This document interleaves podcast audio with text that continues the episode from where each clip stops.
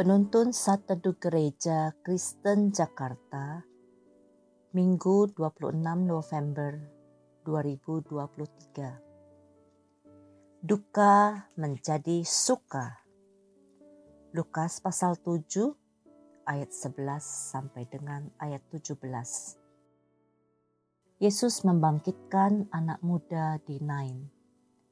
Segera setelah itu Yesus pergi ke suatu kota yang bernama Nain.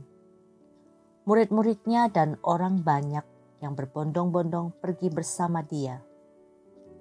Setelah ia dekat pintu gerbang kota, ada orang mati diusung keluar, anak laki-laki, anak tunggal ibunya yang sudah janda, dan banyak orang dari kota itu menyertai janda itu.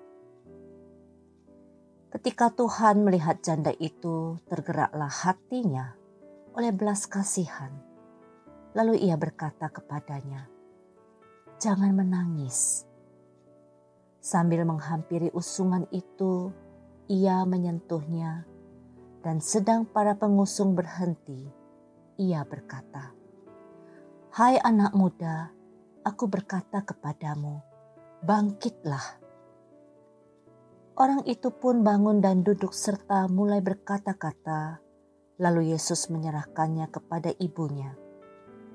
Semua orang itu ketakutan dan mereka memuliakan Allah sambil berkata, "Seorang nabi besar telah muncul di tengah-tengah kita, dan Allah telah melawat umatnya." Lalu tersebarlah kabar tentang Yesus di seluruh tanah orang Yahudi dan di seluruh daerah sekitarnya. turut berduka cita. Itulah perkataan yang sering diucapkan sebagai wujud bela sungkawa ketika ada kedukaan karena anggota keluarga yang meninggal dunia. Dalam masa duka ini akan banyak kata penghiburan yang disampaikan seperti jangan menangis, yang kuat ya. Kehilangan anggota keluarga yang teramat disayangi tentunya akan meninggalkan duka yang mendalam. Hal ini dialami juga oleh seorang janda yang meratap sedih karena baru saja kehilangan anak laki-laki satu-satunya. Ketika Yesus pergi ke Nain di dekat gerbang kota, ia melihat ada rombongan yang mengusung orang mati. Yesus melihat ibu dari orang mati tersebut Lalu tergeraklah hatinya oleh belas kasihan. Yesus berkata kepadanya, "Jangan menangis." Ucapan ini mencerminkan kasih dan kepedulian yang khusus bagi sang ibu. Penghiburan ini tentu bukan sekedar lip service. Yesus pun melakukan mukjizat membangkitkan kembali anak muda itu Seketika itu juga tangisan duka cita sang ibu berubah menjadi luapan sukacita. Mungkin kita saat ini sedang berduka dan putus harapan karena kehilangan orang yang kita kasihi.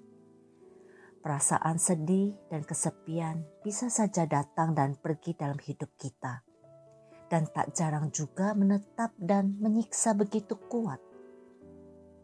Dalam keadaan seperti ini, sangat dibutuhkan sosok yang mampu memahami gejolak perasaan hati kita.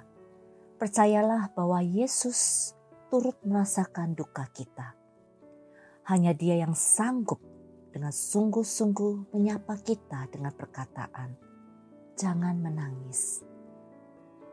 Meskipun rasa duka tetap tak terhindarkan dalam kehidupan, namun kita tetap memiliki pengharapan, sebab Yesus selalu menyertai kita, dan dengan caranya yang ajaib, Dia akan menghadirkan sukacita sebagai ganti duka di hati.